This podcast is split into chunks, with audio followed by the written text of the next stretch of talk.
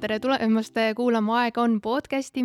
aega on podcastis äh, räägime me slow liikumisest inspireeritult, kuidas elus aega maha võtta ja kuidas hinnata kvaliteeti kvantiteedile. ja seda kõike ikka selleks, et nii enda tervist hoida, kui siis ka looduskeskkonda meie ümber. ja täna on meil siis külas Harald Lepisk. tervist! tervist! Haraldi valisime me enda saatesse esmalt sellepärast, et äh, Harald on juba aastaid äh, koolitanud, kuidas siis äh, akusid laadida endal. ehk siis tundub, et sina tead, kuidas puhata ja natuke ka aega maha võtta. ja mis kõige lahedam, nüüd sul sel aastal tuli välja raamat Minu elukutse, mis võiks siis ka aidata just seada seda sihti, et ei peaks niisama ringi rapslema, vaid saab keskenduda mingile asjale, mis endal südamelähedane. vastab tõele? jaa, ma arvan, see, kui sa ütlesid, et kvaliteet on kvantiteedist olulisem, siis selle enda asja leidmine on üks oluline eeldus, et sinu elu koosnekski asjadest, mis sulle päriselt korda läheks.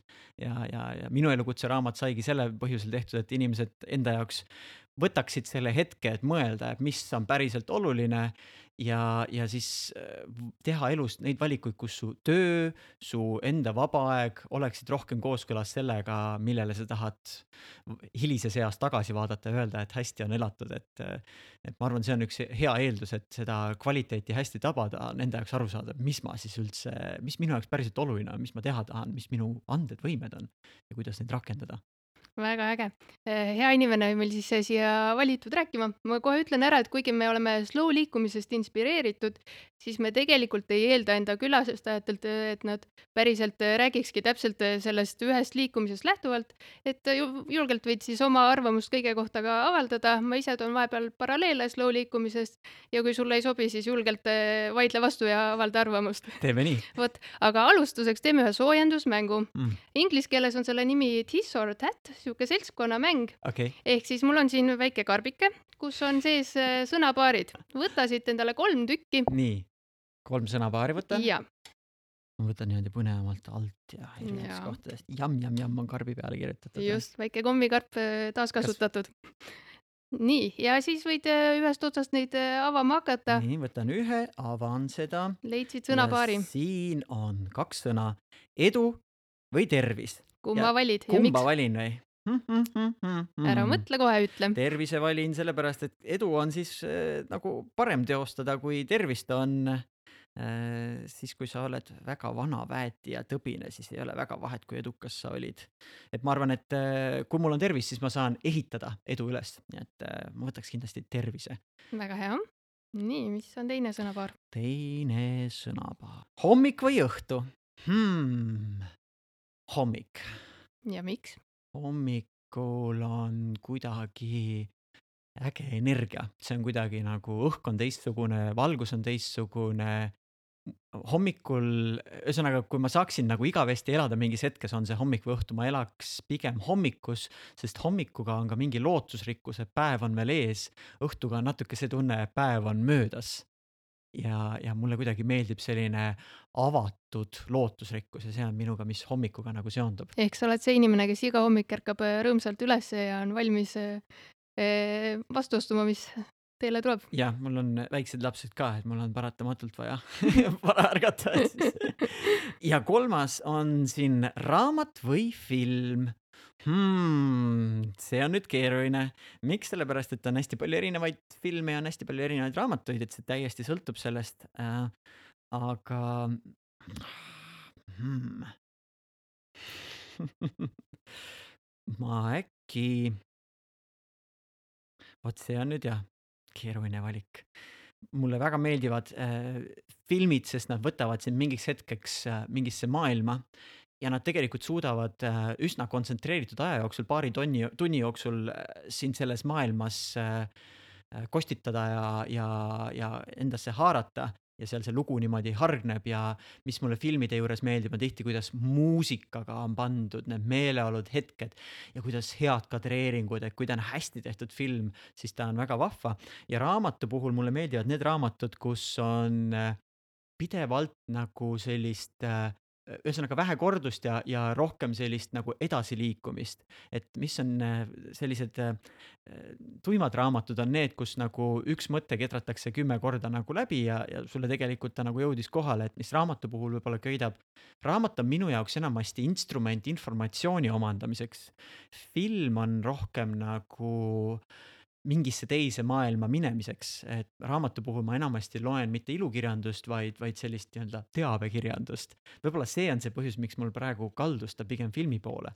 kui ma oleksin ilukirjanduse fänn, siis mul oleks võib-olla rohkem sinna raamatuse, raamatu poole nagu kaldu, sest äh, seal on ka sellised äh, moodused, kuidas sa võid ise omalt selle nii-öelda filmi luua ja oma muusika sinna juurde luua, et see on nagu vahva, aga, aga mul on ka film võib-olla sellepärast, et mu enda kirg on natukene selline videograafia suund aastate jooksul olnud ka. ja, ja kuidas sa, mhm, kuidas sa suudad nagu selle niimoodi purki talletada ja, ja mingeid hetki edasi anda ja mis seal kõik tuleb, et, et see filmikunst on väga-väga põnev kunst Äh, millega, millega annab mängida. ja filmikunst on ka äh, kuidagi äkki universaalsem keel, äkki ma ütleks isegi.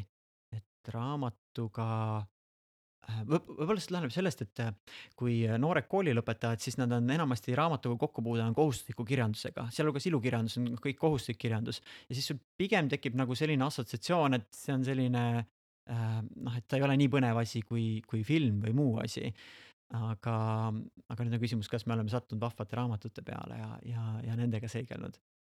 ja võib-olla, miks ma nagu film valisin, et mul on äh, seda raamatuaega, mul praegu on äh, esimene poeg on kolmeaastane, teine poeg on kolmekuuseks sai täna. et seda raamatuaega on natuke nagu vähe olnud viimasel ajal. filmi saab mõnikord näpistada niimoodi, et sa filmi võid vaadata nagu väsinud peaga ka. Aga raamatut sa peaksid ikkagi sellise nagu ärksa peaga vaatama. ja saan aru, et raamatu lugemine on rohkem sul ka töö osaks kujunenud? raamatust ma otsin enamasti nagu äh, infot ja, ja siis ma loen selliseid ajuga seonduvaid raamatuid või, või selliseid noh, kohati natuke nagu keerulisemaid, et ta ei ole niivõrd äh, kerge nauding seda lugeda, ta pigem on, mul on nagu eesmärk, ma tahan sealt saada mingi avastuse, aga filmi ma tavaliselt vaatan elamuse pärast et nüüd võib-olla tegelikult oligi küsimus seal, mm. kas äh, otsime elamust või otsime nagu infot. et, äh, et võib-olla see pani niimoodi mõtlema. väga hea, ega see mäng ongi selline, et äh, raske on tihti valida, aga vähemalt on ilusti põhjendatud, nii et liigume edasi.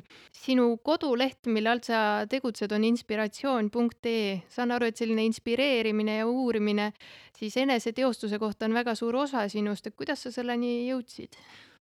Kui nüüd lehest rääkida, siis lehe ma tegelikult tegin, kui ma olin bakatööd kirjutasin ja siis mul oli, lõputöö kirjutamine on selline vaimselt väga kurnav tegevus, sa, sa muudkui istud seal ja kirjutad ja, ja noh, ei ole väga nagu nauditav kirjandus, mida sa võib-olla loed, on huvitav, aga ta ei ole nagu nii-öelda meelelahutuslikult mõnus tegevus.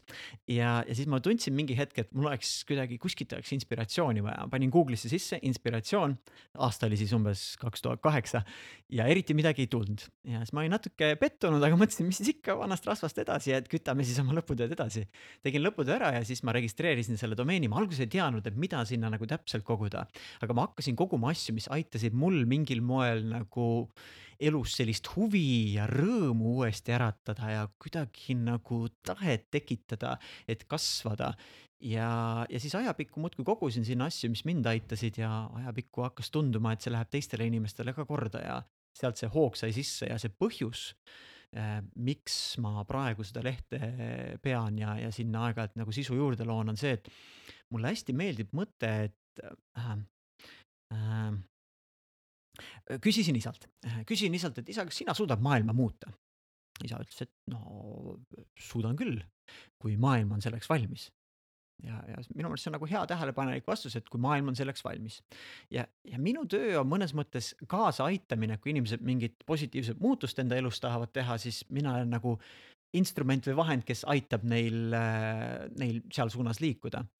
ja digitaalse lahenduse eeliseks on see, et ta on saadaval siis, kui inimene seda vajab. Äh, olgu see öösel kell kaks, kui ma ei tea, ei suuda magada, sul mingi asi ketrab peas ja sa tahad mm, mingit, mingile küsimusele vastust otsid, see on seal olemas. ja mulle hästi meeldib nende digitaalsete lahenduste puhul see, et ta on siis seal olemas, kui sina oled valmis. ja teiseks, ta on kättesaadav sõltumata sellest, et kus sa ise paikned. ma olen võib-olla praegu näiteks, me oleme siin Tartus praegu salvestame ja kusagil Võrumaa metsade vahel võib-olla mingi noor sobrab seal ringi ja, ja saab endaga tööd teha et, et need, see on nagu hästi köitev minu jaoks, sest ma ise kasvasin üles äh, mingi osa elust sellises maapiirkonnas, kus sa vaatad aknast välja ja siis on seal lambad on ja mets on ja et nagu palju inimesi pole, kellega suhelda saaks, aga internet avas mulle nagu selle info välja ja, ja mõnes mõttes see avas mulle sama ligipääsu nagu kuskil New Yorgis elavale inimesele, kes oma arvutisse hommikul sisse logib. mis minu meelest on hästi põnev mõte, et, et see on avanud meile kogu selle infovälja ja, ja ma omalt poolt olen püüdnud sinna infovälja luua midagi ilusat, et kui keegi selle leiab, mõtleb oh,, kui tore on, et keegi on midagi sellist loonud. ja, ja taotlus ongi, et tekitada inimestes tahet midagi luua, tahet ennast paremini tundma õppida ja, ja, ja kuidagi nagu tahet liikuda edasi, kui sa oled seisma jäänud või kui sa oled kõhuli kukkunud. see on selle taga seal, selle inspiratsiooni aga kui nüüd äh, rääkida, et mis on selle taga, et äh, nüüd uus raamat välja tuli kevadel, et Minu elukutse, mis mm -hmm. selle tagamaad on um,? kui ma kaks tuhat kuus aastal olin ülikooli teisel kursusel ja majandust õppisin, siis minul tekkis nagu selline kuidagi nagu tühimik sisse, ma tundsin, et äh, on nagu asjad on olemas, ma õppisin majandust, kõik oli nagu, nagu oli hästi, aga midagi oli nagu puudu ja midagi väga olulist oli puudu. ja siis ma tundsin, et mul ei ole nagu mõtet niimoodi jätkata, sest see kvaliteet, mis ma panen sinna sisse, ei rahulda mind sellisel moel. ja siis ma otsustasin võtta akadeemilise puhkuse üheks aastaks ja ma kuulutasin selle ühe aasta enesearengu aastaks see oli veel aasta, kaks tuhat kuus sai veel samal ajal, kui sa akadeemilisel puhkusel oled, sai õppida reaalselt ka, seega ma läksin psühholoogiat õppima, võtsin ühe kaubandusettevõtte juhtimise üle ja käisin hästi palju igasugu kursustel, koolitustel, kus kõikjal võimalikult sai, sest mul oli kaks küsimust, millele ma vastust otsisin. esimene neist oli, kes ma olen ja teine neist oli, milles ma hea olen. ehk äh, ma nagu tundsin, et mul ei olnud nagu selget vastust nendele kahele küsimusele, siis mulle tundus, et ma võin ju käia nendes loengutes ja õppida, aga ta ei jää nagu külge, sest mul ei ole nagu äh, mm, mul ei ole nagu selget vastust sellele. noh, ma olin varem olnud DJ ja, ja, ja siis meil oli oma DJ online pood, ma nagu tegelesin sellega, aga mulle tundus, et, et mul eluetapis, ma olin mingi seitse aastat tegelenud sellega, et eluetapis oli vaja mingit, mul tunne oli nagu selline, et ma suudaksin midagi enamat, aga ma ei tea, mis see on ja ma pidin enda jaoks võtma mingi etapi, kus siis töötada endaga ja siis see aasta ma nagu harutasin ennast põhimõtteliselt pulkadeks lahti. suurte postrite peale kirjutasin seinte peale, et mis mind huvitab, mis mul kogemused on, mis nendest kogemustest, mida ma teinud olen, mul, ma tahaksin veel teha, mis mulle korda läheb. mis mu väärtused on, mis minu jaoks elus tähtis on, kus ma tahan viie aasta pärast olla, kümne aasta pärast. ja see oli täiega äge aasta, ma arvan, et see oli see ülikooli aasta, kus ma õppisin kõige rohkem neist, et aga noh, ma õppisin enda kohta nii palju. ja ja kui see, kui see aasta nagu, kui ma nagu selle käigus toimetasin ja ma jõudsin mingi arusaamani, et minu jaoks koolitusvaldkond on see, kus mina tahan ennast teostada, sest ma avastasin, et minu jaoks õppimine on üks põhikäivitav jõud. see on minu jaoks nagu see põhjus, miks ma hommikul ärkan, ma saan täna midagi uut õppida või midagi uut luua see on minu nagu võtmekäivitav jõud. ja üks, miks ma koolitaja ametini jõudsin, oli see, et ma tundsin, et see on nagu minu jaoks see, kus ma saan realiseerida enda õpihuvi kõige vingemal moel. ma saan pidevalt õppida ja siis ma saan seda jagada edasi, õpetada edasi. ja, ja siis sai seal asutatud koolitusettevõte, sellest on nüüd äh, kuskil neliteist aastat möödas ja, ja vaadates tagasi, täiega tasus see akadeemiline puhkus võtta ja võib-olla kui nüüd keegi näiteks tudengitest kuulab, aga kui tema on ka nagu selles hetkes, kus ta nagu läks midagi õppima, aga see ei, nagu ei ole see, mida tema ootas sealt ja ta ise ka ei tea, mis ta tahab, et, et siis mõelda, et mis moel oleks võimalik enda jaoks korraks selline mõtlemisaeg võtta ja mis vormis see sinu jaoks hästi toimis, et mõned lähevad kuskile välismaale rändama. minu jaoks ei olnud vaja kuskile välismaale minna, sest keda ma otsisin, olin mina ise, see ei olnud kuskil kaugel maa ja mere taga, et mul oli vaja endast nagu aru saada. ja selleks oli vaja lihtsalt natuke nagu aega, natuke teist olemist ja teisi küsimusi endalt esitada. ja, ja vot see oli minu jaoks tegelikult juba üks ammune samm, mis, mis käivitas selle huvi selle enese leidmise temaatika vastu ja nüüd seesama Minu elukutse raamat on lihtsalt, lihtsalt aastaid hiljem sai see pandud nagu raamatu vormi ja seal on mitmed sellised harjutused, mida ma ise läbi tegin ja toimetasin. Ja, ja lootus on just see, et inimene, kes näiteks keskkooli lõpuklassides, kes tahab küsida, et mis mulle korda läheb või, või ülikoolis, kes läks nagu midagi õppima, ta ikkagi ei tea, mis see minu asi võiks olla et ta saaks võtta endale ühe hetke ja siis mulle tundub just, et see raamat on see õige meedium, kui me ennem arutasime, kas film või raamat, siis sellise asja puhul, et kes ma olen ja mis ma päriselt teha tahan, on, ma arvan, raamat mõjusam, sest ta annab sulle nagu aega mõtlemiseks ja olemuseks. filmi puhul sa vaatad ära ja mõtled, oli inspireeriv, aga, aga et ta võib-olla ei õpeta sulle enda kohta, sest sa ei esita endale filmis niivõrd palju küsimusi. et, et raamat võimaldab seda. et, et see on selline teekond, mis käivitus ja mulle tundub nagu see on kõige kõige olulisem küsimus, mida endal pihta saada, et mis mulle päriselt nagu korda läheb, et kui, kui sa selle ära tabad, siis on nagu kergem hommikul ärgata ja kergem ennast kuidagi käima saada. Ja meeleoluliselt on ka kuidagi äh, ladusam, sest meil kusagil sügaval siin DNA-s on äh, miski, mis ütleb meile, et meil on vaja ennast teostada. ja kui me nagu leiame enda jaoks mingi valdkonna, kus me saame ennast teostada, siis hing saab äh, ühes mõttes rahu aga teises mõttes elevust, see elevus ütleb, et nüüd on vaja minna ja, ja midagi teha, midagi luua jah, kui sa ütlesid, et äh, sul oli see üks äh, vaheaasta, et sa kirjeldad seda väga ilusti, et äh, muudkui olid inspireeritud tegema plakateid, aga kuidas see emotsionaalne seisund seal tegelikult oli, et kas oli rohkem kõikumisi või kuidas sa seda kirjeldaksid? tead, mul on üldse mineviku asjadega on selline selektiivne mälu ja mulle tundub alati, et me tegelikult konstrueerime enda minevikku ise ja me siis konstrueerime, kas see oli väga raske või see oli väga kerge, aga ma kuidagi teadlikult olen nagu kas siis püüdnud või niimoodi või unustan neid raskeid hetki, kuigi tegelikult, kui ma hakkan teadvustama, eks äh, äh kui me räägime inimese vaimsest tervisest, siis meil on nagu tihti neid hetki, kus kõik on nagu korras, aga me tunneme ennast kurvana. me tunneme, et me ei ole seal, kus me tahaksime olla, me tunneme, et asjad ei veere nii, nagu nad tahaks. aga noh, kui ta ei ole nagu väga traagiline sündmus, siis me selle mineviku asja me unustame ära, sest see oli nagu mingi episood. noh, paraku me unustame ka sellised ilusad ja rõõmsad hetked ära. Äh, selle nii-öelda vastumürgiks või vastu, mürk on võib-olla halb sõna, aga vasturohuks äh, kasutama aeg-ajalt seda, et ma kirjutan häid hetki üles tänulikkuse päevikusse, et talletada neid. aga ma üldjuhul eh, rasketest asjadest kirjutan ainult selles võtmes, et mis ma sellest õppisin või kuidas ma nüüd jätkama peaksin kui sa nüüd küsid, et kas see oli keeruline, siis ma vaatan nagu pigem sellise nagu helge pilguga tagasi, aga, aga, aga ma noh, selles, sellel ajal ma olin kindlasti majanduslikult kõvasti raskemas olukorras võrreldes praegusega ja ma olin sellises äh, eneseteostuse või, või tuntuse valdkonnas ka kõvasti raskemas olukorras, et see oli kindlasti nagu keerulisem. aga mulle tundub sealt, kui ma vaatan minevikule tagasi, seal oli võib-olla just see jõud, et, et mul ei olnud nagu väga midagi kaotada või, või et mul oli nagu ainult võita, et edasi liikuda, sest ma käisin nagu rohkem ringi ja ma rohkem aktiivselt tõstsin kätt ja ütlesin, ma tahan kuskil kaasa lüüa ja rohkem ütlesin jah asjadele ja kõik nii, et ma rohkem ise ronisin välja, et tegutseda. E, ja, ja võib-olla ongi minu jaoks nagu selline huvitav tunne, et kui mõelda, mis nagu hirmu või kurbust tekitab, siis mõnikord nagu asja kaotamine tekitab meis rohkem hirmu kui mingi asja mitte saamine või mitte kätte omamine. Et, äh, et kui sa oled nagu kuskile ära jõudnud, siis tundub väga hirmutav, et kui ma nüüd peaksin sellest nagu ilma jääma.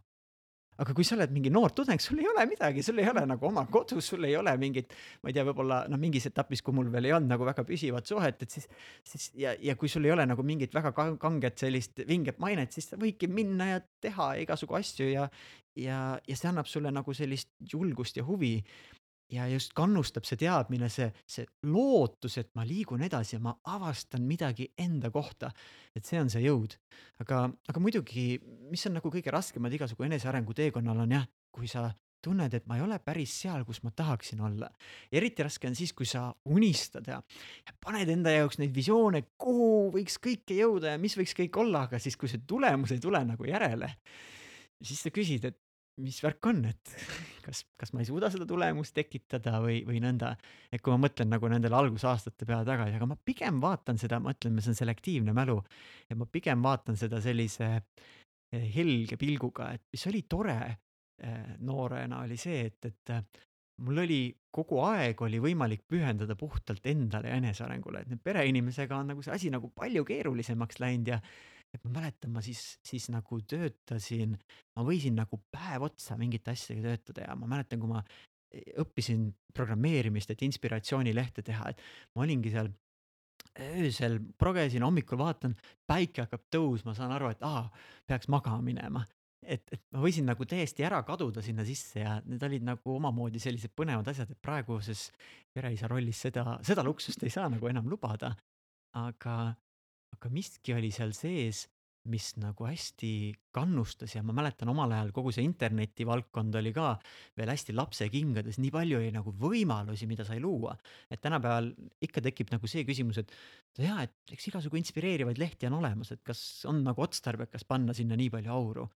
et äh, ma arvan, kui me räägime nüüd sellest nagu aeglasest liikumisest või aega on kontseptsioonist, siis see suurim hirm meil tänapäeval on hirm Äh, äh, kas siis jääda millestki ilma või ilm, hirm, et ma ei ole piisavalt või hirm, et ma äh, mm, kuidagi fear of missing out, et ma jään millestki ilma, ma arvan, see on nagu selline hästi stressi tekitav jõud.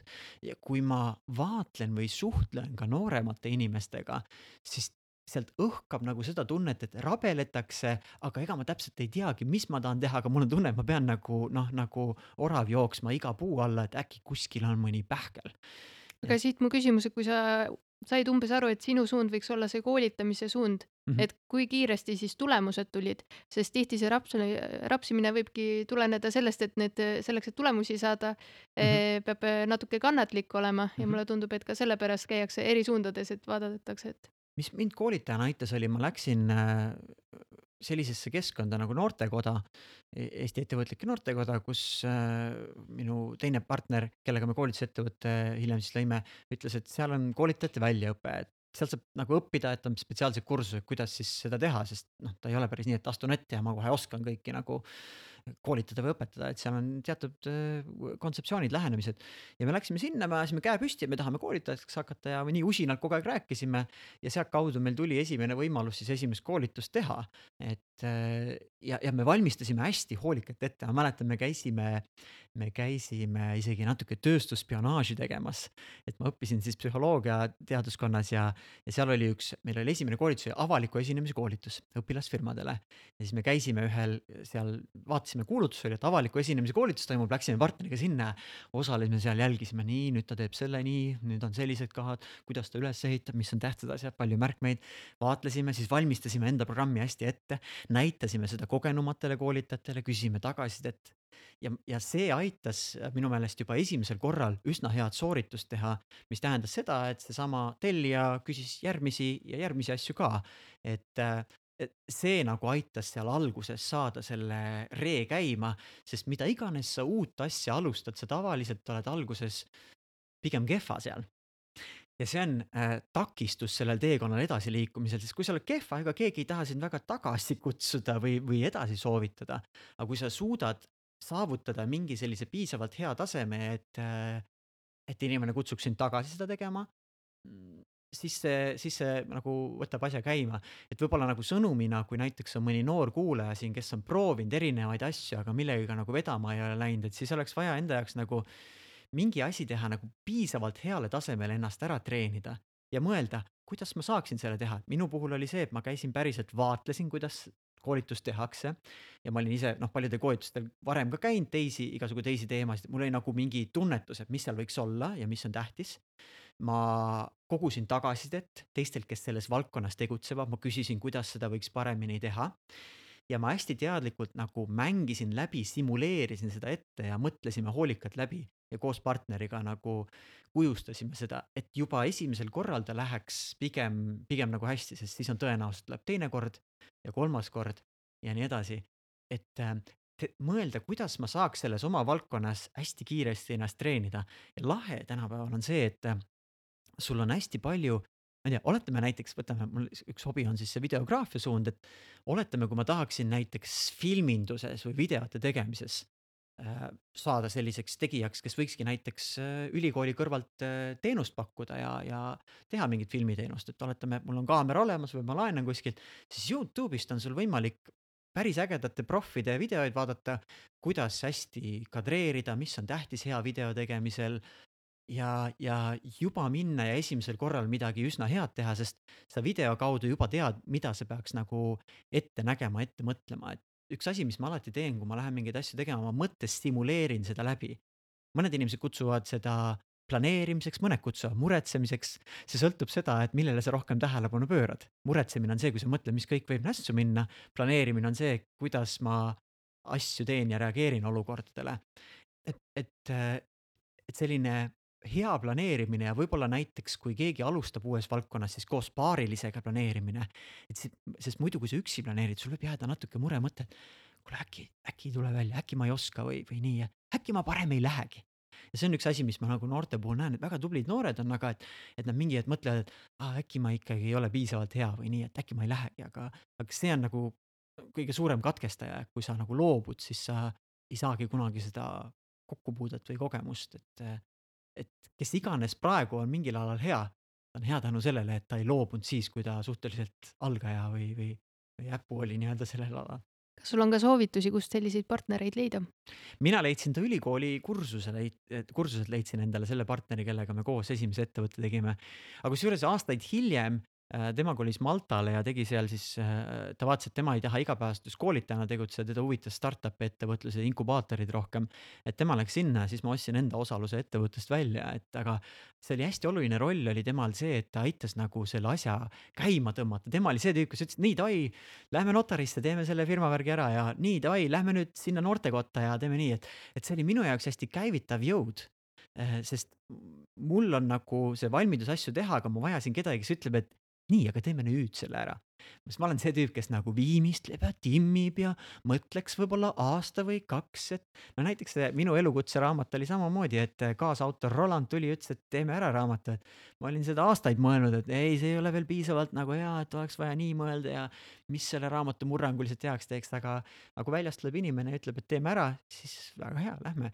et ongi vaja mõelda enda jaoks, et mis on äh, elluviimise seisukohast minust natuke nagu, minu olemusest natuke nagu, ma ei tea, kas puudu, aga mis ei ole minus nagu selline nagu tugev külg. Ja siis mõelda, et kus ma võiksin sattuda vestlema äh, ja, ja, ja kohtuma nende inimestega, kes, kellel on just see, mida mina väga nagu ei kipu tegema või ei soovi teha et seal tekib see partneri sünergia. kui on kaks identset partnerit, siis noh, noh siis on tore nagu omavahel mõtteid põrgatada, aga elluviimise seisukohast võib jääda ikkagi mingi tühimik nagu, aga et ja ma arvan, kui nüüd, kui näiteks kuulajaks ülikooli õpilased on, et siis ülikooli kursus on üsna hea koht enda jaoks partnerite leidmiseks, sest sul on nagu mingi kokkupuude kursustel nii, aga üks puudus on, et võimalik, et mõlemad on väga sarnased, sest nad tulid sama eriala õppima, et et see võib olla natukene nagu, nagu puudus, kuigi ühe eriala sees võib väga erinevate isikuomadustega inimesi olla ka.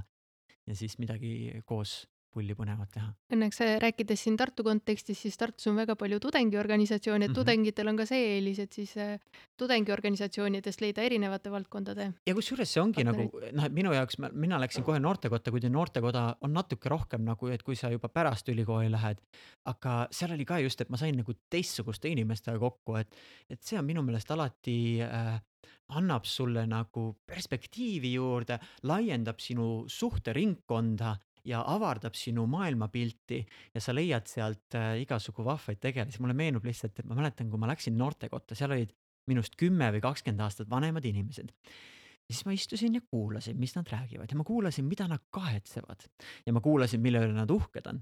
ja siis ma mõtlesin, kuidas mina võiksin nüüd noorena elada enda elu nii, et kui ma ükskord see vana olen nagu nemad, et siis ma võiksin vaadata tagasi ja et mul ei oleks kahetsusi. ja ma arvan, see oli hästi hea variant, sest ma ma vähemalt ise arvan, et ma olen teinud päris häid valikuid selles kontekstis, et, et see aitas nagu teadvustada, et, et ei oleks nii-öelda, ei rapsiks tühja ära ja küsiks endalt, mis on päriselt elus tähtis ja mis on püsiv ja kui need asjad on paigas, siis ülejäänud asjadele võib öelda veel jah ja igasugu katsetamist, aga et, et kuidagi, et mis on tegelikult see oluline pärast, et me ei laseks neid akusid nagu tuulde, kuigi üliõpilasena ja, ja, ja ja just sellistel esimesel kursusel mina ütlesin ka hästi paljudele asjadele jah ja proovisin igasugu erinevaid asju. Äh, et äh, see on selleks, et me saaks mingi kokkupuute või kogemuse, aga me peame hakkama vaatama, et kui me jääme ja miski asi tundub, et see nagu ei toida meid, siis noh, igasugu aja vabastamise seisukohast üks allikas, kust aega juurde saada, on vabastada ennast mingitest tegevustest, mis sind enam ei mm, köida või mis sind ei, sisemiselt ei toida, ütleme nii et sealt saab tekkida seda aega on varianti, sest muidu, kui sul on kalender täis ja mis on üks nagu asi, mis mina nagu igasugu vabaühendustega olen märganud, üks nagu ohukoht nendega on see, kui on lihtsalt palju koosolekuid. aga kui sa hakkad tundma, et koosolekul nagu kasvu ei toimu, ma midagi uut juurde ei õpi või ma, mul mingid, ma ei tea, suhtevõrgustik ei laiene, siis tuleb endalt küsida, et kas see teenib seda eesmärki. et, et see on nagu üks selline varjukülg igasugu vabaühendustega, hästi palju on koosolekuid ja, ja noh, nüüd ma olen nagu ma teadlikult ka nendes ühendustes, kus ma olen, et ma käin ainult väga olulistel koosolekutel, sest noh, ta ei ole võib-olla niivõrd hea ajakasutus. Äh, kuigi meil on noortekojas üks tore selline rituaal on äh, kojalõuna on, kus ongi lihtsalt lõunal ja kui sa lõunal nagunii pead käima, et tule ja räägime ja vestleme seal. ja see on ka selline äh, vahva moodus kohtumiseks, aga see ongi selline vaba sotsiaalne vestlus. Ja nagunii kui nagunii söömas peab käima, et siis sa ühendad selle, et, et nõnda kombona aga et eh, siin tuli jälle see esile, et eh, hea on siis eh, nagu teada, et millistele pakkumistele jah öelda ja mhm. millistele mm -hmm. ei mm. -hmm. et kas sul on mingeid praktilisi nippe siis ka öelda, kuidas, mis meetodeid läbi teha, et enda kutsumus kiiremini leida mm? -hmm no esimene asi on see, et kui me kujutaks seda nagu lehtriks, et sa pead lihtsalt hästi palju asju nagu proovima, katsetama ja siis sa, sul tekib nagu mingid liinid või suunad, mis sul on omased, minu jaoks oli see diskorluse suund tekkis seitsmendas klassis, sinna tuli juurde etlemise, näitlemise suund ja sealt tegelikult hakkas tekkima minu jaoks juba mingi muster. Need kõik olid mingil moel seotud avaliku esinemisega, sellise nagu, nagu kas siis noh, laval olemisega või mingi sõnumi edastamisega.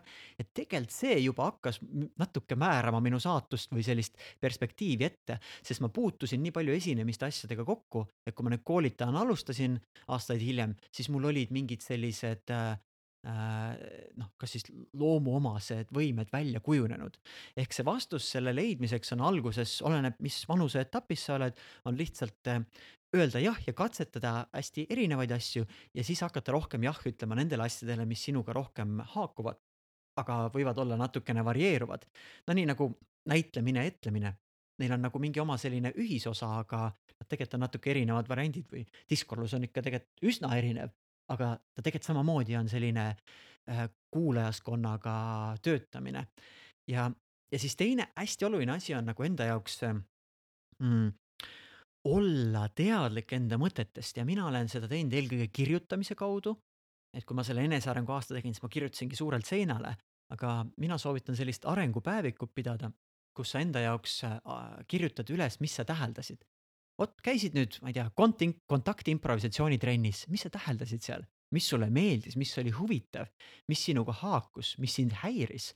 et väike selline eneseanalüüs juurde, sest sellega sa nagu reflekteerid, et kuidas see minuga sünkas või mis seal minuga nagu sünkroniseerus hästi.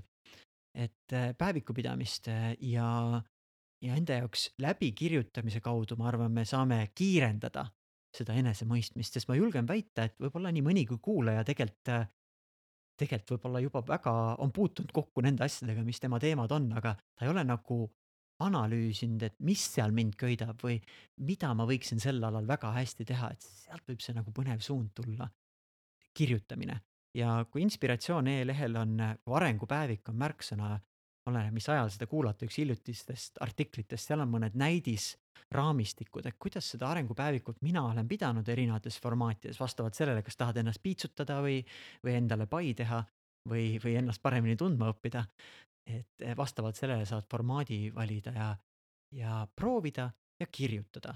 ja siis äh, võib-olla need inimesed, kellele kirjutamine ei sobi, mulle tundub, et enamasti eh, naisterahvad eelistavad pigem kõneleda rohkem võib-olla see on üldistus, aga et siis on hea, kui sul on mingid äh, sõbrad on, kellega sa võid nagu rääkida, et vot ma käisin seal, mulle hästi meeldis see ja mulle tundub, et ma tahaks seda rohkem teha, et nagu lase sellel kuidagi endast välja ära tulla, sest enda sees on hästi raske hallata nii keerulist informatsiooni.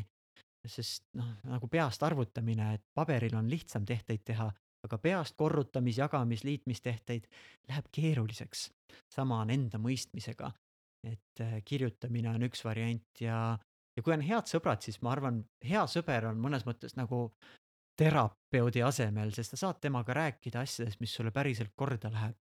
ja nüüd rääkimise puhul on ka tähtis, et, äh, et me räägiksime, et me ei räägiks, äh, ingliskeelne sõna on small talk, small talk on lihtsalt räägime ilmast oi, täna vihma sajab hmm,, jaa, natuke jahe on, vist hakkab sügis. aga me tegelikult me ei kasva nagu ühiselt selles vestluses. aga kui me räägime näiteks mingist asjast, mida ma kardan, näiteks ma räägin mingist asjast, mis on tulemas ja ma kardan läbikukkumist selle juures. või ma räägin mingist unistusest, mis mul on, aga ma ei julge seda teostada, sest ma kardan, et ma ei tea, mida inimesed arvavad või äkki ma olen kehva selles. vot siis toimub vestluses mingi hoopis teine kvaliteet, siis tegelikult päriselt toimub kommunikatsioon kahe inimese vahel, sest muu, see on nagu lihtsalt ma ei tea, infovahetus. et otsida neid sügavamaid vestlusi, otsida neid inimesi, kellega sa saad neid sügavamaid vestlusi pidada ja proovida, kuidas sa nende inimestega suudad veelgi kiiremalt nii-öelda sügavama vestluslainele minna. eriti pull sõber on see, kellega lähed koos kuskile jalutama, istud pargipingil maha, hingad natuke ja küsid ja küsid talt, et kuule, kui sina kaheksakümnene oled, et mis, millele sa tahaks tagasi vaadata, et mis on sinu elu parim investeering olnud? selle peale sõber ütleb, kuule, see on hea küsimus, mõtleme selle üle natukene mitte ei ütle nagu, mis, mis, kust sul lambi küsimus selline tuli, eks ole. et see on nagu üks nagu mõõdik, et kas meil nagu suhe on hea, et, et kas me võime nagu selle, selle, selle nagu sisuga niimoodi käima minna. ja ma julgeks väita, et me nagu, me muidu nagu kaotame enda, enda aja ja võimaluse ära, kui me, kui me nendes vestlustes oleme liiga pealiskaudsed, kui me, kui me jääme nagu lihtsalt ilma või päeva uudiste tasandile või, või kellegi taga, tagarääkimise tasandile et, äh, et leida neid sügavamaid vestlusi ja, ja leida see inimene, kes on valmis seda tegema ja võib-olla leida see keskkond esialgu ka. et noh, sobivas keskkonnas, kus see vestlus niimoodi tuleb. ja, ja üks moodus, kuidas seda alati alustada, on öelda, et tead, kuule, tead, hea sõber, et ma praegu ma mõtlesin siin viimastel päevadel vot sellise asja üle, et kuidas seda asja saaks teha, et mõtlesin, et küsiks sinult nõu, et mis sulle tundub, kuidas oleks mõistlik, ma ei tea, vot noh, ma ei tea, toome mingi suva näite, et oletame, et ma olen mõelnud, et ma võiksin paremaks lauljaks saada, et mis sulle tundub, et mida ma saaksin teha selle jaoks, et paremaks lauljaks saada? ja vaata, kui sa niimoodi hakkad inimestele rääkima seda unistust või mõtet, mis sul on, noh, mõned ütlevad, et oi, sinust küll lauljat kunagi ei saa, et sa ei pea ju viisigi ja nii. aga mõned ütlevad, aa vot, vot tead, mina käisin vot sellisel kursusel või, või tead, Youtube'is on sellised hääletreeningu videod väga ägedad, selline tegelane teeb. ja vot ma saan automaatselt mingi sammu edasi liikuda.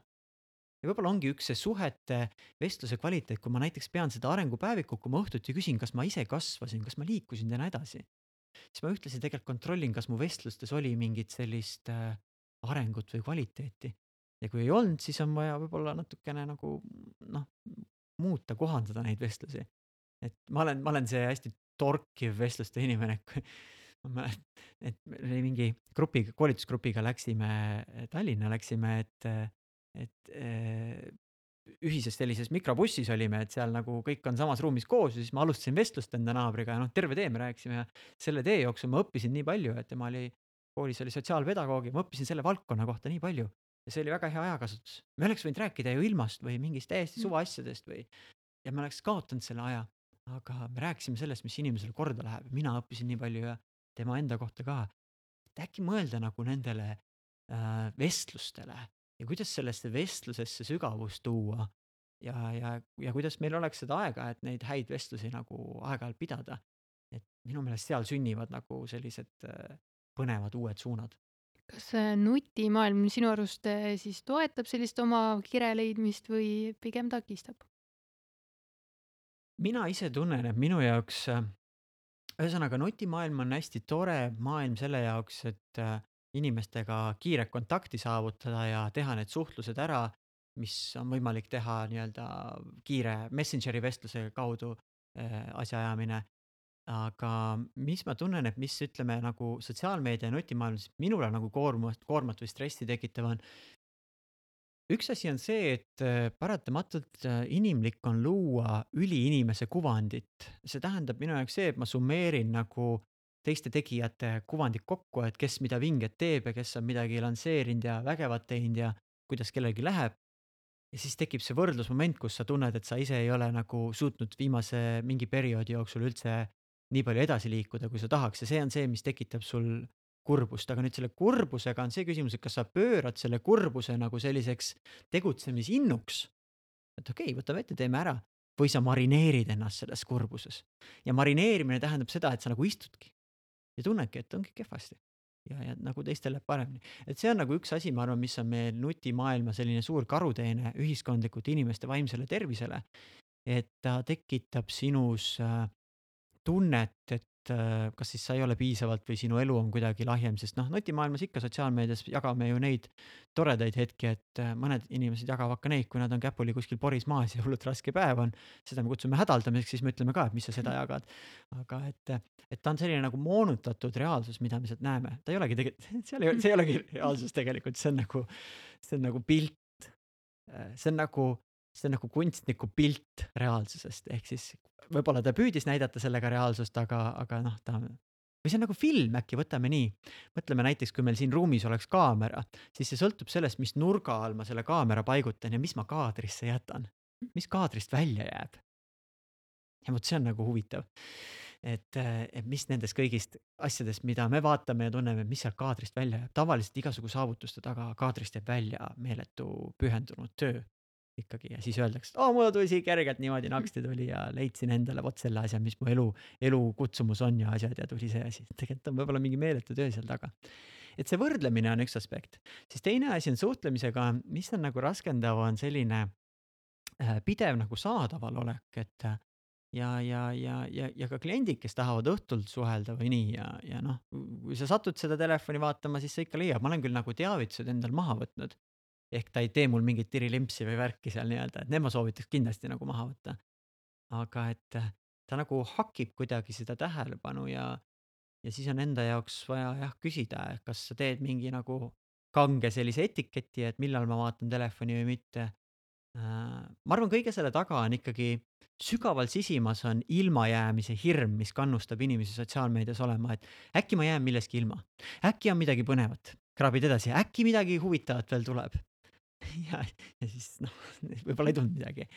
et, et see ilmajäämise hirm, aga mõnikord vaatad, et, et kui sa oled telefoni kuskile maha jätnud või nii ja vaatad, et noh, et jah, et siin olid mingid asjad, aga ega ma otseselt nagu millestki nagu väga pakilisest nagu ilma ei jäänud, et ja midagi väga hullu ei juhtunud, et siin oleks vaja lihtsalt, ma arvan, iga inimene nagu enda jaoks aru saada, et kas see tekitab mus ärevust või ma suudan sellega väga kenasti hallata, sest mõni inimene ilmselt ta suudab, tuleb tirilimps, teeb ära ja nii ja, ja toimetab edasi ja võib-olla tema stressitase, kõik asjad on väga chill ja ta tuleb sellega toime, et ma arvan, et see peaks nii-öelda universaalne soovituskeeld olema, aga, aga me võiksime korraks nagu pöörata endasse pilgu ja küsida, et kuidas see mõjub mulle ja kas see, kas see on pigem nagu väike kulu-tulu analüüs, et ma panen sinna aega, energiat sisse, kas ma saan sealt tagasi ka. et, et kas ma sain sealt, äh, võib-olla ongi üks variant, kui sotsiaalmeediasse ära kaod näiteks, et siis noh, et seal mingi tund aega niimoodi on, siis pane korraks kinni ja korraks niimoodi tõmba hinge, küsi, et mis ma nüüd siit õppisin ja avastasin. mis ma siit nüüd sain, millest äh, ma mm,, kui ma oleks ilma jäänud, siis ma oleks oluliselt ilma jäänud. et ja, ja tihti me saame aru, et ega väga vist ei olegi nagu, et oli iseenesest tore, aga ma oleksin võib-olla võinud selle tunni lihtsalt pikutada, olla kui tihti sa sellist äh, hetke saad endale üldse võtta, et ma nüüd natukene mõtlen, teen tulu-kulu äh, analüüsi nii-öelda mm, -hmm. et tihti sa võtad niisugust lihtsalt mõtisklemise hetki? ma võtan neid hetki ikka võtan ja, ja noh, siis kui hommikul saab lapse lasteaeda ära saata, raske oli siis, kui lasteaed oli koroona ajal kinni, et siis, siis oli nagu neid keerulisem, sest kogu aeg su kodus midagi nagu toimub. et, et nüüd on nagu, nüüd on nagu võimalik neid hetki tekitada ja siis rohkem ja, ja ta on mina ikka nagu mõtlen enda igasugu eluvalikud ja asjad üsna nagu kaalukalt läbi ja, ja nii-öelda teen selliseid reaalseid nii-öelda kulu-tulu analüüse, mitte ainult rahalises mõttes, vaid nii-öelda funktsionaalses tulevikuperspektiivis mõttes, et mõnikord lähevad need algoritmid lähevad keeruliseks, aga aga et eh, ma nagu kujustan ennast selle valikuga ette ja ma simuleerin ennast läbi, et kui ma nüüd selle valiku teen, et kas ma oleksin sellega rahul, et kas see oleks hea variant, et üks harjutus ongi, ma teen sellist noh, aastas korra-kaks on kiri tulevikust variant, kus kaheksakümnesena simuleerin elu läbi, vaatan tagasi sealt ja küsin, et kas ma siis niimoodi tahangi, et ma oleksin elanud ja noh, ma küsin, et kuhu need minu koolitused ja, ja, ja igasugu digitaalsed asjad on välja jõudnud. et see on nagu selline üks moodus, et läbi simuleerida ja siis enda jaoks tunnetada, et mis ma siin peaks tegema.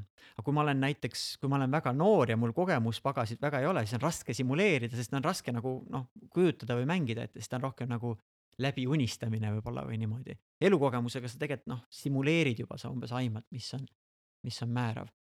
ja mingid hetked on äh, hästi ilusad hetked on mingid sellised hetked, kus sa istud, vaatad aknast välja ja täiesti lampi läheb naeratus näole. Ja sa tunned, et sul on mingi õnnistunne, sööd seal oma seda mingit putru, mida sa iga hommik sööd, aga lihtsalt naeratus tuleb näole ja lambist tunned ennast väga õndsa inimesena. ise ka ei saa aru, et miks. Need on hästi vahvad hetked nagu sellised, lihtsalt tuleb kuskil mingi hetk.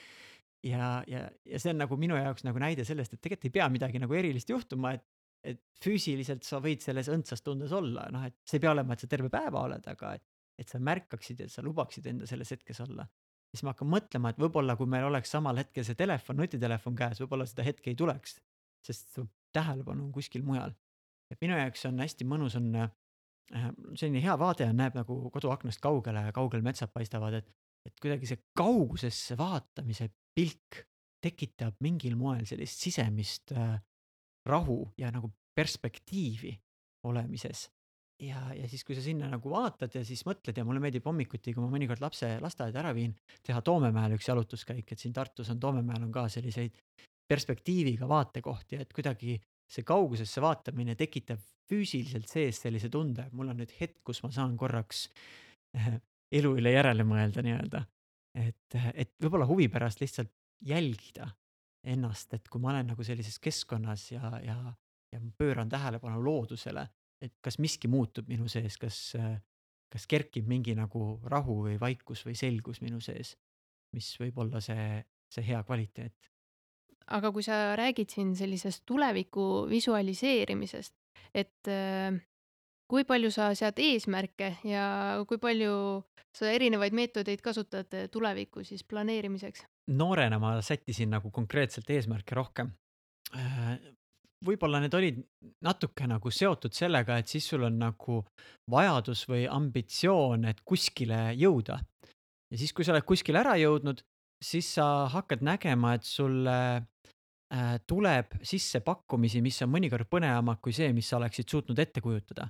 ehk äh, seesama kaheksakümne aastase mõtteharjutus, ta ongi nagu selliseks mängimiseks, aga ma ei fikseeri, et see peab niimoodi minema, et äh, ma nagu ei eelda, et, et, ma pean nagu mingi plaani järgi liikuma, sest unistamise, unistamise puhul mul on selline vahva väljend on, et seda või midagi veelgi paremat. et, et see võiks olla tore plaan, aga kui tuleb midagi veelgi paremat, siis las ta olla veelgi parem.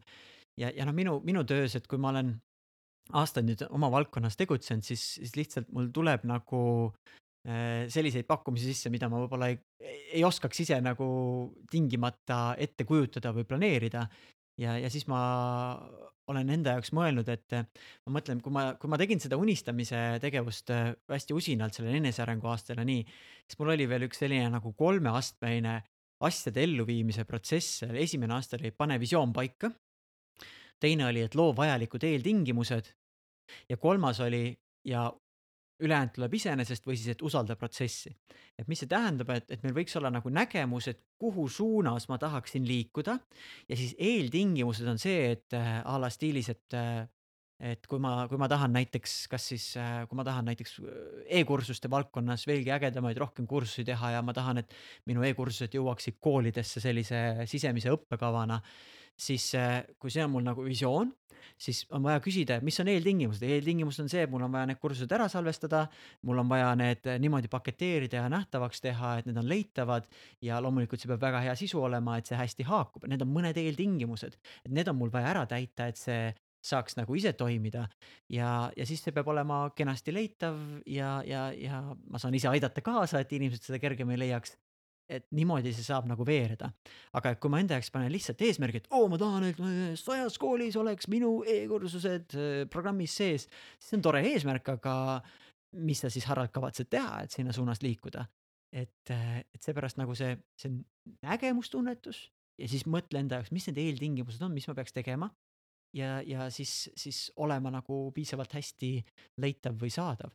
et kui näiteks mõni kuulaja on, kes enda jaoks tahaks mingit sellist äh, ägedat unistuste tööd äh, teha ja tal on mingi visioon olemas, võiks nagu enda jaoks sõnastada, et mis ma siis tahaksin teha, et võib-olla kui praegu keegi on näiteks sellisel tööl, mis ei, mis on nii-öelda vaheetapi töö, vaheetapi tööks me kutsume seda, kuhu me läksime, et natuke teenistust tekitada, aga see ei ole päris see, millega ma tahaksin ülejäänud aastaid veeta. et siis enda jaoks see nägemus, mis ma tahaksin teha, mida ma tahaks eriti hästi teha ja siis mõelda, et mis on need eeltingimused, et minu juurde võiks selline pakkumine tulla mida ma peaksin hästi oskama, kes peaks teadma, et ma seda tahan teha, mida ma peaksin veel looma või tegema. Ja ainuüksi selle küsimuse küsimine tegelikult paneb meid juba niimoodi äh, mõtlema, et äh, kuidas ma saaksin sinnapoole liikuda, et mis need vajalikud eeltingimused on. sest äh, minu meelest selle unistamise varjukülg ongi see, kui me ainult unistame, aga meil ei teki nagu neid samme sinna.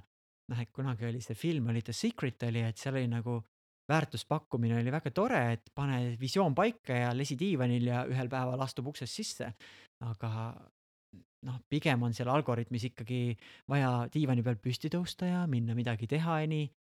et ma julgeks väita, et ühesõnaga, kui me oleme noored ja kui me ei ole veel eriti tuntud oma valdkonnas, siis meil on vaja päriselt rohkem töötada, et sinna liikuda, sest noh, selle saatuse juhtumise tõenäosus on lihtsalt väiksem tõenäosus sellepärast, et sinu kokkupuude nende inimestega, kes saaks sulle seda pakkuda, on väiksem. aga kui sa oled juba mingis valdkonnas väga kogenud ja juba tuntud ja sind soovitatakse, siis see tõenäosus, et äh, keegi soovitaks ja satuks sinu peale, on palju suurem, eriti kui sa juba teed seda ka, eks ole. et näiteks noh, koolitajana üks väga tore täiendavate koolitustellimuste soodustaja on see, kui ma reaalselt käin ja teen esinemisi, see on, see on üks, üks nagu parimaid asju, et keegi näeb, et teeb seal, kuule, täitsa, täitsa vahva tegelane, et ja siis võtab ühendust, tule tee meile ka, eks ole. aga kui sa nüüd alustaja oled, siis ei ole inimestel nagu kokkupuudet, kus nad näeksid sind midagi tegemas. ja siis on vaja mõelda, et mis need eeltingimused on. mina siis noorena olin noh, seal noortekojas tegin igasugu vabatahtlikult koolitusi, kursuseid, asju, et lihtsalt oskust saada, kokkupuudet saada. ja, ja alguses niimoodi asi nagu käima saada. aga aga hiljem võib-olla kuulaja võikski küsida, et kus ma siis praegu olen, et kas ma olen sellises üsna küpses faasis, kus ma enda suhtevõrgustiku ja kogemusbaasiga äh, võin lihtsalt natuke nähtavust tõsta või ma olen selles faasis, kus ma peaksin ikkagi usinalt ise ennast välja viima ja kui ma pean ennast välja viima, siis ma peaks sättima nädalaks või päevaks või kuuks mingeid eesmärke, kuhu ma välja tahan jõuda. sest ilma eesmärgita see on nagu nagu kooliõpilasel vene keele kontrolltöö tegemine, et kui sul tähtaega ei oleks, millal sa teeksid seda? mitte kunagi. ega sa ei teekski, sa ei taha teha seda nagunii, aga kui see tähtaeg on, sa pead tegema, eks ole. et, et alguses on vaja äkki seda nagu sundi rohkem tekitada, sest noh, on vaja sinna hirmutavasse maailma välja minna ja lihtsalt inimesed ei tea, et sa tahaks seda toredat asja teha.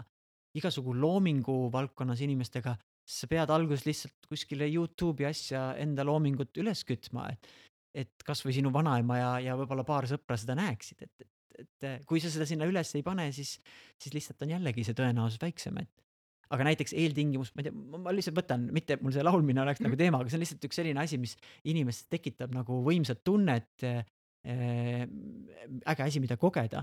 E-, et see eeltingimus oleks see, et ma tahaksin paremaks lauljaks saada, ma peaksin käima kuskil sündmustel, ma ei tea, ühislaulmistel või kooris või noh, ma peaksin nagu saa-, suurendama kokkupuudet selle valdkonnaga, et, et ta toimiks.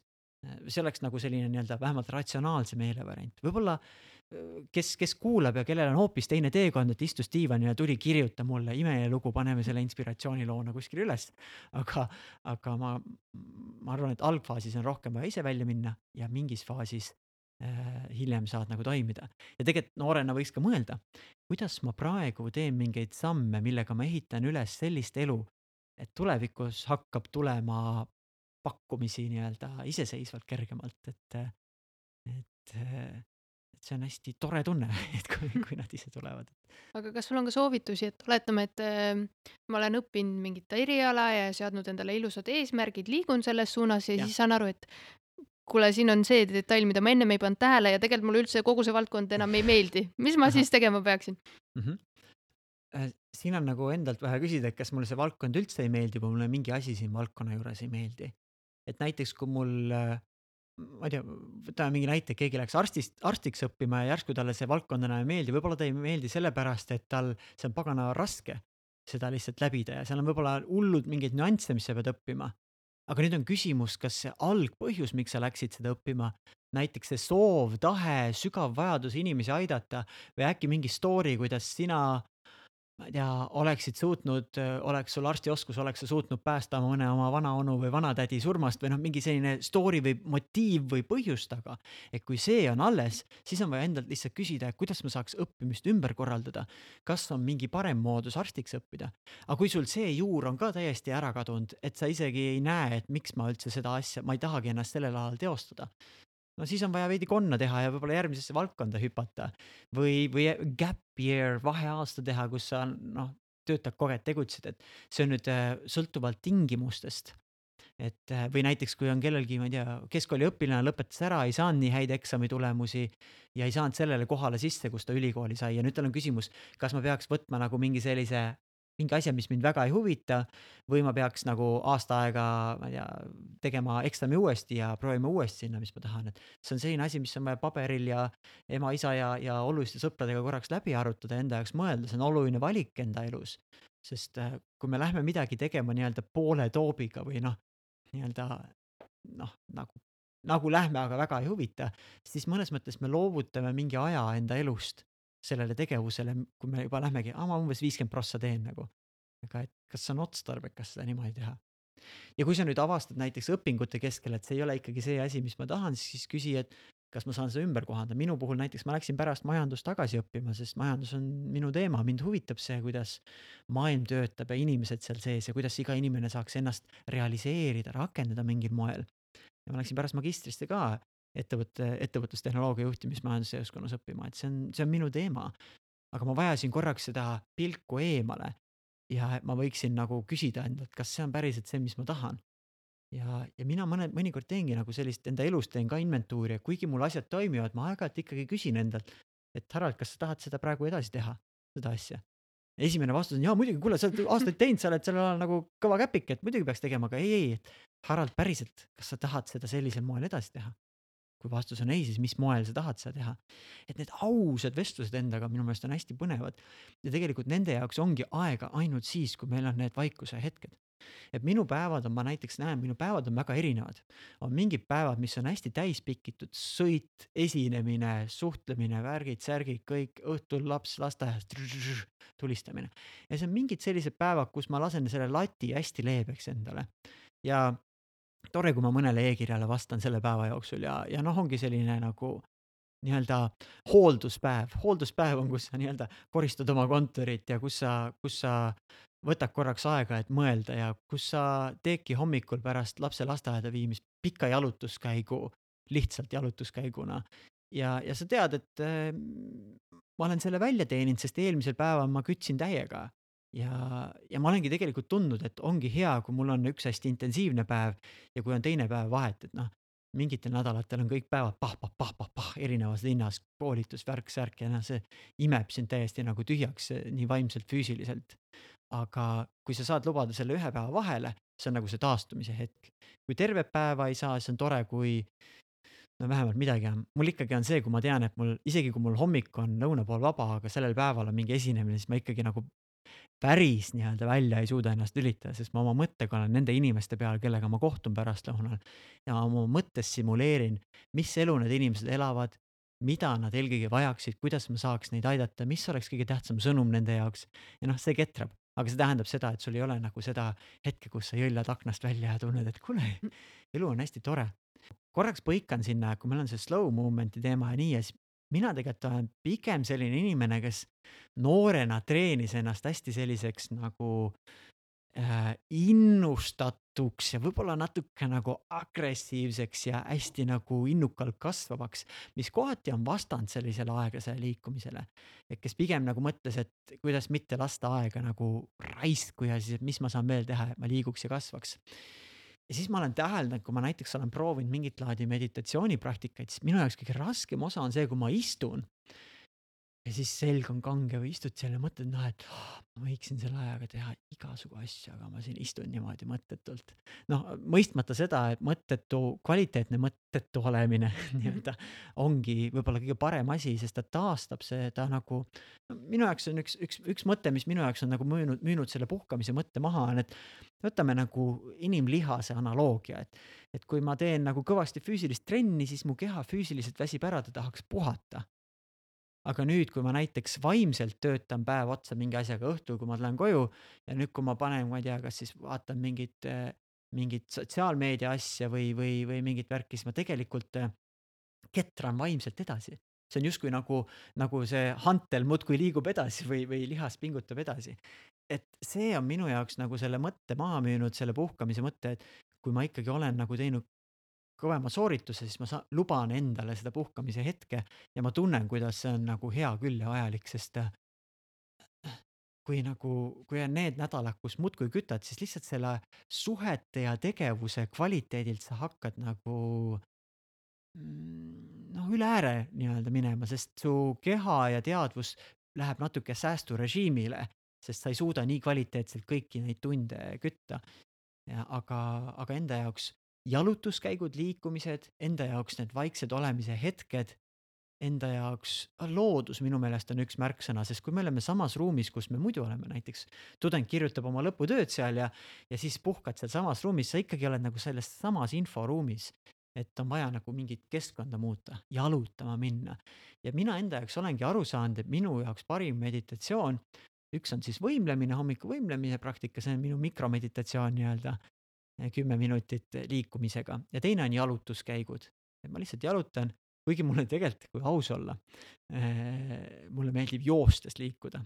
kui ma lähen lapsele lasteaeda järele, siis ma jooksen tavaliselt sinna, mitte et ma tingimata, mul kiire on, mulle meeldib joosta lihtsalt, et mulle meeldib, mu keha saab nagu hea koormuse, ta saab head nagu füüsist niimoodi liikuda et see liigutus iseenesest, see siis. see tekitab hea tunde ja, ja mm -hmm. ma ei tea, kuidagi ja hommikul, kui me läheme, kui tal on tõuks on, siis ma ka jooksen ja tema paneb oma tõukerattaga et.... eks see füüsiline aktiivsus on omaette nagu. ja mul, mulle nagu meeldib see mõte, et kui mul on võimalik ühendada enda päeva liikumist sellise veidi trenni elemendiga et sul ongi mugavamad tossud järe, jalas, kui sa oma seda liikumist teed ja et sa ei lähe nagu eraldi jooksma, vaid sul on nagunii vaja liikuda punktist A punkti B et selle asemel, et seda kas siis auto või mingi muu sõiduvahendiga läbida, et siis teegi see nagu liikumise trennina.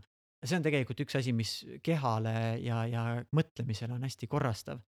et äh, kui ma olen kodukontoripäev on, siis hommikul laps lasteaeda, lõunal kuskil väljas söömas käia, õhtul laps lasteaiast ja õhtul lapsega võib-olla kuskil veel jalutamas ja kui on eriti muhe päev, siis ma teen veel pärast lasteaeda viimist ühe sellise pikema jalutuskäigu ja niimoodi need kümme tuhat sammu lähevad ise loomuliku liikumisega nagu äh, täis. ja, ja minu meelest on tunda nagu erinevust, et eh, kui on vihmane päev ja väga väljas ei käi, siis oled nagu kuidagi nagu sel, see vaim on väsinud ja väsinud, väsinud vaimust ei tule mingit ilusat loomingut. ehk siis võiks selle päeva lihtsalt öeldagi, et lepime, et tänapäeval me ei, me ei jõuagi kuskile, et ma lihtsalt olen ja, ja lihtsalt puhkan või mis iganes ta on.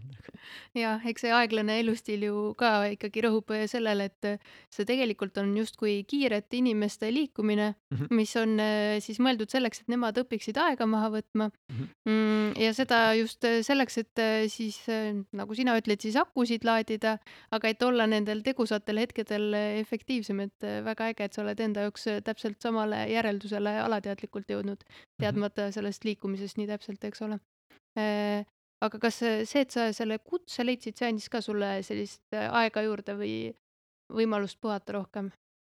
ma arvan, et selle enda kutse või suuna leidmine annab selgust enda elus juurde, sest kui meil seda enda suunda ei ole, siis me kogu aeg mõtleme, et me peaks nagu, nagu konn, et igasugu lehtede peal käima. Aga et sul nagu tekib mingi liin või tunnetus ja sa võid mingitele asjadele ei öelda, kui need ei haaku sinuga. et sul on nagu selline kompass on sees, aga ilma kompassita võib-olla noh, lihtsalt probleem on see, et on oht, et täitub sinu päev asjadega, mis sulle päriselt korda ei lähe. ja sinu päev on nagu hõivatud, aga ta ei ole nagu kvaliteetne, ma ei tea, ma mõnikord nagu mõtlen, et mulle nagu meeldib see elustiil, mis ma olen loonud ja mõnikord nagu üldse ei kadesta inimesi, kes on enda päeva lihtsalt igasugu argitoimetusi nagu täis pikkinud et äh, ja lihtsalt on mingid igasugu asjaajamised ja koosolekud ja sinna sõitmised ja ma nagu kogu aeg küsin, kuidas ma saaks lükata tühisemaid asju välja. ja tühisemad asjad minu jaoks on näiteks mingi liikluses olemine. Et, et kui, kui me kodu valisime, siis me valisime, et ta on kesklinnas, et me saaks nagu jalgsi viia lapse lasteaeda ja saaks hästi palju asju nagu jalgsi ära ajada et ma ei tahaks, et kuskilt kaugelt jälle autoga sõidad, oled liiklusummikus, sest see oleks minu jaoks nagu automaatselt päevas üks osa, mis ei ole väga tore äh,. pikasõidud, pikamaasõidud ma sisustan näiteks autosõidu puhul äh, taskuhäälingute kuulamisega. ja see on hästi hea variant, sest kodus niimoodi segamatult seal tund-poolteist taskuhäälingut kuulata on väga luksuskaup. aga autos ma olen nagunii äh, siin kuskil mingis metallkolakas kinni ja ma tunnen ennast nagunii ahistatuna seal ja ma tahaks kohale jõuda, ma olen täheldanud, et see taskuhäälingu kuulamine nagu rahustab mind maha. ja ma tunnen, et äh, ma mitte ei pea jõudma punkti B, vaid ma olen teekonnal, kus ma kuulan siin seda taskuhäälingut ja minu aeg on hästi kasutatud. Et äh, minu jaoks taskuhäälingud ja autosõit on selline asi, mis nagu kombona koos käib. aga et mõelda, mis on päevas need asjad, mis söövad ära aega ja kui ma saaksin need asjad välja visata, siis ma saaks endale päeva tekitada, noh nagu Fred Jüssi kutsub seda teadlikuks molutamiseks, nii-öelda mõni, mõned ütlevad logelemiseks, mõned ütlevad lihtsalt olemiseks, et siis tekib seda aega.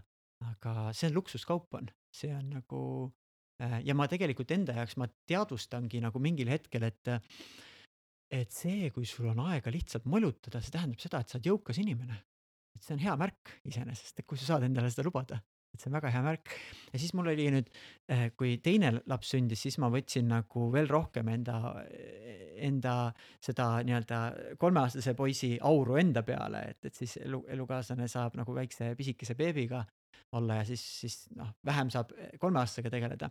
ja siis, kui vahepeal lasteaed jäi kinni, noh siis minu päev oligi põhimõtteliselt eh, terve päev selle kolmeaastasega olla ja teda, teda eh, tema meelt lahutada seal, kui nii-öelda entertainment'i teha ja mingitel hetkedel mina nagu tundnud isana nagu, et minu jaoks on see selline hullult frustreeriv, et aa, sa istud siin mingi vedeled kuskil liivakasti ääre peal ja sul on nagu igav ja et tahaks nagu, sa tahaksid midagi luua hoopis ja midagi teha ja, ja siis see on nagu hästi valus hetk, kui sa tunned, et sa tahaksid kuskil mujal olla.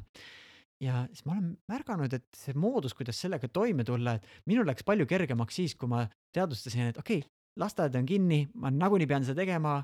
see on nagu püha kohustus isana, ma, ma pean seda tegema, mul ei jää muud varianti üle.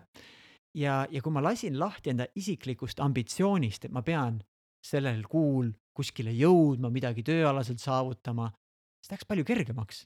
Ja ma vaatasin, palju mõnusam ja, ja, ja chill im on seda teha, et, et palju kergemaks läks, et ma ei võitlenud iseendaga selles hetkes, vaid ma võisingi olla ja okei okay,, olemegi siin, teeme siis seda liivakastimängu ja kiigume siin ja, ja, ja teeme neid kõiki ettearvatavaid asju. Jälle batuudi peal, iga päev sama asi, mis me teeme, jaa, muidugi teeme, eks ole. et kui sa lased sellest ambitsioonist isiklikust lahti, siis sa nagu ei tunne, et sa midagi nagu kaotaks, sest muidu mul oli natuke nagu tunne, et ma selle istipoja ajaga natuke kaotan enda aega, kus ma tahaksin luua ja kuna seda istipoja aega tekkis nagu lasteaia sulgemise järel noh, terve päev, siis ma tundsin, et ma ise lihtsalt professionaalse kasvuna ei, ei saa nagu edasi liikuda. aga kui ma selleks korraks lahti lasin ja teadsin, üks asi, mis mind hästi rahustas, oli teadmine, et äh, ka see möödub. Ingliskeelne väljend this too shall pass. ja see on selline vana hea nagu munkade selline väljend, et ka see möödub. See minu jaoks hästi nagu rahustab, ma tean, et lapsed kasvavad suuremaks, et see ei jää igaveseks. võib-olla üks asi, mis mind hästi hirmutabki, asjades on, kui ma mõtlen, et issand, mõtle, kui jääbki nii terveks eluks. või ütleme, kui inimene, keegi, kes käib mingil tööl, mis talle üldse korda ei lähe, et hästi hirmutav mõte, mõtle, kui ma terve, terve elu peaksin nagu sellel tööl töötama, päris kohutav, eks ole. aga kui sa tead, et ka see möödub, see annab kuidagi nagu, läheb kergemaks. ja siis üks asi, mis ma veel täheldasin, oli see, et, et kuidagi lihtsalt see, kui see koroonaaeg oli ja siis lihtsalt äh, Äh, mm, selles mõttes oli keeruline, et kui ma muidu töötan kodukontorist ja mul on muidu mingid vaikushetked, aga nüüd on kogu pere on kodus kogu päeva ja, ja ma ise ei saa ka kuskile ära põgeneda, sest ma pean nagu lastega tegelema kogu päeva, et et ühesõnaga ma ei saa ennast nagu professionaalselt teostada. ja siis ma tundsin nagu ennast tegelikult noh, kohati üsna kurvana. et sest noh, mul on nagu vaja need kohustused täita, aga aeg täitub nendega ära. Et ma ei saa panna nagu sinna seda aega, mis ma, mis ma tahaksin siis ma täheldasin, mul oli mingi hetk, kui ma läksin nagu kõige pisemaga läksin välja niimoodi käruga sõitma ja, ja see on see aeg, kus tema magab ja mina nagu kärutan ja. siis ma, ma, ma ärkasin, kuidas mul peas nagu ketrab, et küll on ikka raske elu ja miks on nii ja miks ma enda asja ei saa teha ja et, et võiks kuidagi nagu kergem olla või no iga, igasugu sellised nagu, nagu mõtted, mis hakkavad nagu peas ketrama. ja siis ma küsisin endalt, et oot-oot-oot, stopp, et mis praegu tegelikult toimub? mis praegu tegelikult toimub? Et Harald, et sa oled praegu siin see väike tegelane seal kärus magab, sa kärutad, sa võid täiega chill ida, lihtsalt ringi põrnitseda ja olla. ja sa oled millegipärast valinud hetke, et sa praegu marineerid enda peas siin, et miks on elu raske või miks on need asjad ja nii ja. ja mis nüüd tulevikus saab ja mis minu tööstusharust saab ja nii edasi, noh igasugu küsimärke. aga mis praegu tegelikult toimub? ja see oli hästi hea küsimus, see nagu tõi kohale, vau, vau, vau, et sa jalutad siin selle väikse tegelasega, kõik on timm, väljas päike paistab, ole muhe, ole rõõmus et sellel hetkel need asjad sind ju ei ohusta. ja sa võid valida sellel hetkel, et sa oled äh, lihtsalt rõõmus või zen. ja see on minu jaoks nagu hästi oluline arusaamine enda jaoks olnud ja ma loodan, et võib-olla see näitelugu haakub paljude inimestega, kes leiavad ka ennast nagu muretsemas õhtul enda mingite tööasjade pärast või kuskil ja, ja siis küsida endalt, oot, aga mis praegu tegelikult toimub? kas päriselt ka praegu on see oht, et ma ei tea, see ülemus on mul praegu kukil või mingi see tähtaeg või see klient on. või ma olen siin perega koos, õhtusöök on, et mis praegu tegelikult toimub. see on üks hästi minu jaoks tore selline hetkesse toov küsimus ja millega ma saan äh, nagu distsiplineerida ennast ja korrastada. ja, ja ma isegi tooks mõnes mõttes mõtlemise analoogia nagu teleportatsioonimasinaga, et äh, mm, noh, teleportatsioonimasin ulmefilmides on see, et ma võin rännata kuhu iganes ma tahan. aga alati näiteks, kui ongi see hetk, kui ma kärutan selle väikse beebiga ja oma mõtetes, kui ma mõtlen mingeid muremõtteid, siis ma olen nagu teleportatsioonimasinaga mingis teises maailmas. ja nüüd on küsimus, kas see on äge maailm või mitte. No et kui see on äge maailm, las ma siis olla seal, eks ole, peaasi, et ma liiklust jälgin, jälgin ja nõnda, eks ole. aga kui see on mingi muretsemise maailm, siis see on sama nagu, et ma ei tea, keegi laenab mulle teleportatsioonimasinat ja siis ma lähen mingisse rõvedasse külma vihmasesse paika selle teleportatsioonimasinaga. see oleks siis üsna rumal nagu valik, et, et miks sa sinna läheksid, sa võiksid ju rännata igasugu lahedatesse kohtadesse. ja see on minu jaoks ka selline huvitav nagu metafoor, millega ma mõtlen, et vau wow,, muidugi, et miks ma lähen sinna nagu nii-öelda deprekasse seisundisse, kui see on minu teleportatsioonimasin, see pea, millega ma saan valida, et kus ma selles hetkes olen. et enda jaoks küsida, et kui mind praegu tegelikult miski ei ohusta, siis miks ma olen selles hirmus, mures või ohus. ja, ja noh, eks ikka inimestel on seda küsimust, oleneb, mis ajal me kuulame ja kas tuleb meil teine laine koroona puhul ka, et teadmatus on suur, et mis juhtub ja me ei julge nagu otsuseid teha ja eks mina ka iga hommik vaatan ERR-ist, et mis see kordaja on, noh, mina vaatan nagu selle mõttega, et ma pean teadvustama, et kui see kordaja liiga suureks läheb, sanktsioonid tulevad, siis see tähendab, et äh, füüsilised üritused jälle võib-olla bännitakse mingiks hetkeks ära ja see, siis ma tean, et ma pean mängima enda asjad nagu teistmoodi ümber. et äh, eks see, eks see tuleviku küsimus on see, mis meid natuke nagu kannustab, aga äh, mina olen enda pilgult hästi tulevikku suunatud aga kui ma niimoodi, kui mõned inimesed avavad enda mõttekäike minuga, siis ma tihti näen seal palju ka sellist minevikku suunatud mõtteid. ja minu jaoks jällegi see minevikku suunatud mõte on nagu üsna nagu suhteliselt kasutu, sest see ei ole üldse seotud valikutega, mis ma praegu, või noh, ma võin teha paremaid valikuid praegu, aga ma ei saa seda muuta. et ma ei tea, oli raske lapsepõlv kellelgi, ahah, või, või, või olid rasked aastad või tegi halva valiku elus, et ahah, aga mis siis nüüd teed? mis ma siis praegu saan teha? Et samamoodi, et mis praegu tegelikult toimub.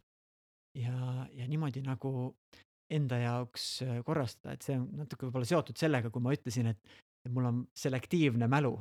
et ma nagu teadlikult nii-öelda unustan ära neid raskeid aegu minevikus, sest noh, nad otseselt ei anna mulle nagu midagi juurde. kui, kui ma õppetunnised kätte sain, siis ma olen sellest kõik saanud, mul rohkem seda ei ole vaja nagu. ja mida rohkem me mingit asja meenutame, mida rohkem emotsiooni on sellega seotud, seda rohkem see kinnistub ja seda rohkem meile tundub, et rohkem ongi nii. et see on selle mõtlemise puhul nagu põnev.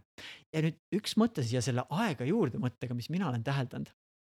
kui sa mulle tundub nagu, et üks põhjus, miks inimesed täidavad enda päeva hästi ära tegevusega ja võib-olla üksikud inimesed veel eriti, on see, et endaga olla on päris keeruline. et kui sa jääd endaga, siis hakkavad peas ketrama need igasugu mõtted, et ma ei tea, ma ei tea, võtame näiteks, võib-olla on üksik inimene ja võib-olla hakkab mõtlema, nii, et on, on ikkagi vaja elukaaslast leida ja miks mul veel lapsi ei ole või mis iganes, mingid mudelid kuskilt on peale surutud.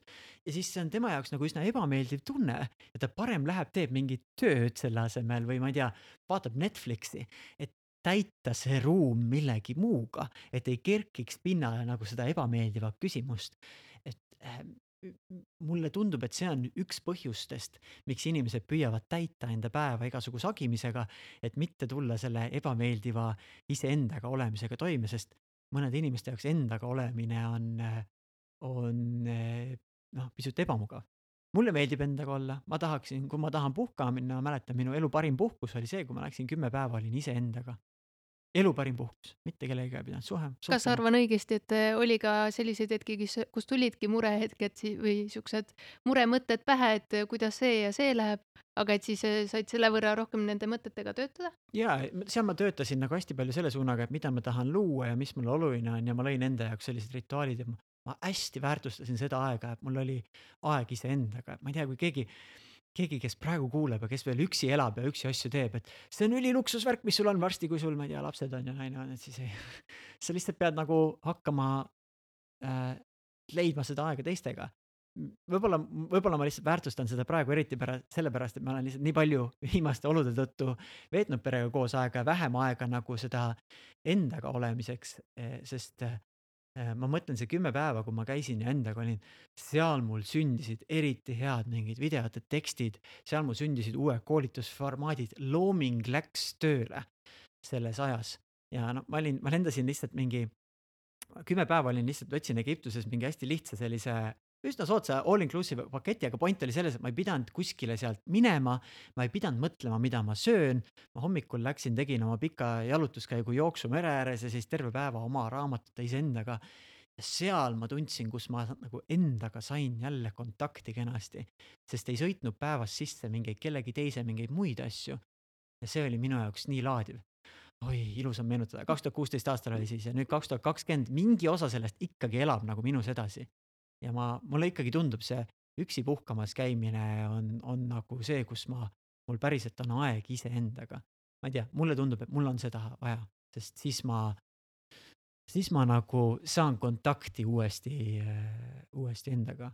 Ja siis ma võin tulla tagasi ja siis ma kütan jälle sotsiaalselt, suhtlen ja nii. ma olengi täheldanud, koolitajana on see huvitav kontrast, et mul on päeval, kui on see esinemine, hästi nagu väljapoole suunatud inimestega suhtlemine siis kui ma tulen koju, siis ma tegelikult tahaks lihtsalt nagu olla.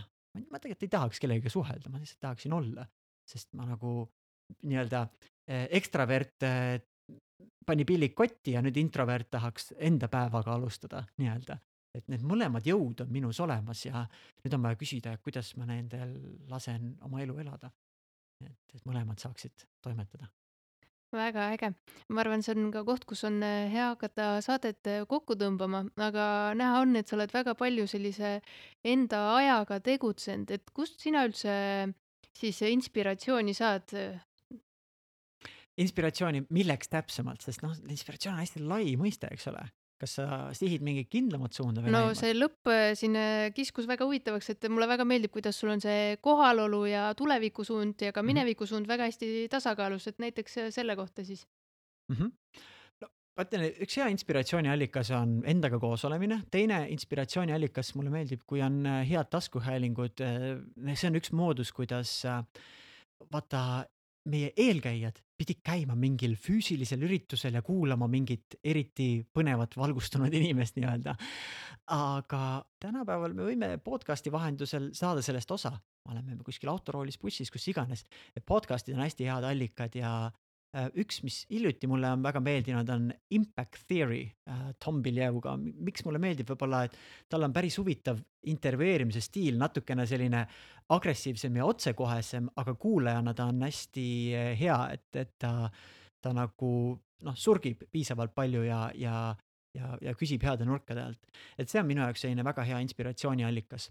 ja teiseks on ikkagi head raamatud on see hetk enda jaoks töötlemiseks. raamatuga mul on see, et ma hoian neid nagu endaga kaasas, mul on autol on kindel aeg, on raamat, näiteks ma mäletan, kui ma rehve käisin vahetamas, oli vaja kuskil oodata, võtad sealt oma raamatu, loed raamatut, et, et sa nagu kasutad neid hetki ära, kus äh, mm,, kus sul on nagu mingi selline aeg, kus sa nagunii mõnusalt ei naudiks seda, noh, kuskil mingis rehvivahetus seal ongi, siis kui mõnus see aeg seal on, et, et, et siis, siis äh, uuri ja avasta, see on see miski, mis mind nagu vaimutoitu pakub. Ja, ja inspiratsiooniblogi on selline paik, kus noh, mingid mõned mõtted näiteks, mida ma siin rääkisin ka, ma olen teinud nad eraldi videoklippidena, see teleportatsioonimasin ja nii, et. et ma püüan nad nagu niimoodi paketeerida paariminutisse videosse, et äh, sellel hetkel, kui inimene on kuskil madalseisus, ta satub sinna, et see võiks talle tuua mingit perspektiivi juurde, lootusega, et aitab tal endal niimoodi ümber lülituda. Aga ma arvan, taskuhäälingud on kindlasti hea meedium ja endaga olemise aeg. et mis, mis iganes võimalused selleks on, eh, seda äh, ja siis kirjutada, lugeda ja, ja võib-olla inspiratsioonina ka käia sellistes ringkondades, mis on sinu ringkonnast hästi väljas, hästi teise valdkonna inimesed, et noh, kui ma näiteks majandust õppisin, et kui ma käisin majandusinimestega koos, meil olid ühed teemad. Aga siis, kui ma käisin mingis hipilaagris või värgis, seal oli palju nagu teistsugusem, aga ta oli inspireeriv selle poolest, et ta oli väga teistmoodi. ja, ja siis sa tunned, et sa saad võib-olla mingit uudsuse efekti rohkem, et kui sa seal oma mullis oled, siis noh, ei pruugi võib-olla nii uudsust, inspiratsiooni olla, on lihtsalt väga asjalikud vestlused, aga, aga ei ole nagu sellist üllatust nii palju. väga äge, kas sa veel lõpetuseks soovid midagi äh, kuulajatele nüüd öelda, mis veel jäi hingele? Äkki ma jätaks praegu selle küsimuse, see kohaloleku küsimus. mis praegu tegelikult toimub? väga hea, aitäh sulle. igati rõõm tõesti oli väga põnev täna Haraldiga vestelda, et nii palju põnevaid mõtteid tuli ja proovime siis sellest väikse kokkuvõtte ka teha, et mis mulle kõige rohkem kõlama jäi, et kutse leidmine ongi justkui selline filter, et mida noorem oled, et seda rohkem kogeda ja kogetut siis ka analüüsida, et Harald käis välja kaks mõtet, et kas siis rääkida tuttavatega või kirjutada üles. Ja seda siis korrata ja korrata, kuniks siis äh, iga korraga saad äh, natukene täpsemalt aru, et mis see sinu elukutse on. Ja sellest lähtuvalt saab järjest spetsiifilisemalt öelda ja just nendele asjadele, mis äh, sinu kirge siis nii-öelda puudutab. Ja samuti siis, et äh, kui ei tea, äh, mida või kuidas üles kirjutada, siis äh, tasub vaadata Haraldi kodulehele inspiratsioon.ee, et tal on seal üks väga asjalik artikkel arengupäeviku pidamisest, et vaadake järgi, kindlasti saavad kõik sealt mõne meetodi endalegi. lisaks ei saa mainimata jätta seda mõtet, et tuleb võtta iseendale aega, et see võib toimuda küll reisides, aga sageli on seda väga mõnus teha ka siin oma kodumaal, eriti kus meil praegu on reisimine natuke raskendatud, et võtke aega, vaadake kaugusesse ja mõelge oma mõtteid. minule endale jäi siin ka kõlama selline väljend, et ei tasu end marineerida, mille all Harald siis pidas silmas seda, et kui negatiivsed mõtted jäävad korduma, mida kahjuks inimajul sageli juhtub, et üks ja sama mõte jääb muudkui kordama, kordama. et siis äh, teadvustada endale, et praegu ongi see marineerimise hetk nii-öelda, et sellest marineerimise nii-öelda meeleolust korra välja tulla ja vaadata, et mis on siis päriselt hästi enda ümber, et teha väike paus sellest marineerimise meeleolust. mõtteid on nii palju, aga viimaseks siis toon välja veel selle aspekti, et püsida hetkes. Äh, nagu Harald ütles, et tal on selline selektiivne mälu mineviku osas, et proovime siis kõik kaasa võtta minevikust seda positiivset ja mida me sellest õppisime ja aeg-ajalt tulevikku ka visualiseerida, näiteks nagu Harald teeb seda kaks korda aastas, mõtleb oma elule kaheksakümne aastaselt. aga põhiliselt püsida ikkagi hetkes. selline see saade oli ja usun, et te kõik äh, leidsite endale oma mõtteid, et äh, siinkohal teengi üleskutset kui me rääkisime, et kirjutamine on väga kasulik, et võtke see hetk ja kirjutage üles kolm mõtet, mis teile sellest eh, saatest kõlama jäi.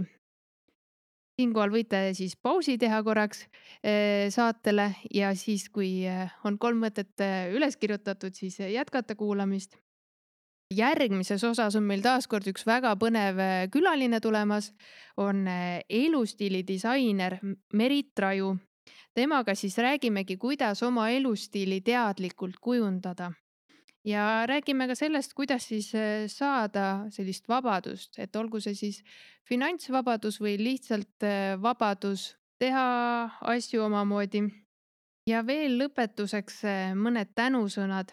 nimelt on meile siia juua pakkunud selline äge ettevõte Tartumaalt nagu Birch Lagoon, kes toodab siis äh, mahe kasemahlasid ja kostitab nii äh, meie külastajaid. Ja kes ei ole veel proovinud, siis äh, tulemas on ka loosimäng, soovitan kõigil minna Instagrami ja otsida üles meie konto. Nimega Aega on, tühiku asemel siis alakriips ja seal on tulemas erinevaid loosimänge, kui siis saate ka silma peal hoidmas, mis põnevad külastajad meil kõik tulemas on. On, mida oodata, ütlen teile. mainin veel ära ka selle, et meie podcast on ellu kutsutud siis äh, ühe projekti raames, mille nimi on noorte heaolu ja edukuse arendamine tänu aeglasele elustiilile ja seda projekti toetab äh, sihtasutus Archimedese noorteagentuur Euroopa Solidaarsuskorpuse programmist. mul oli väga hea meel, et te leidsite oma tee meie tänase saateni ja loodan, et leidsite palju toredaid mõtteid. Kohtumiseni kahe nädala pärast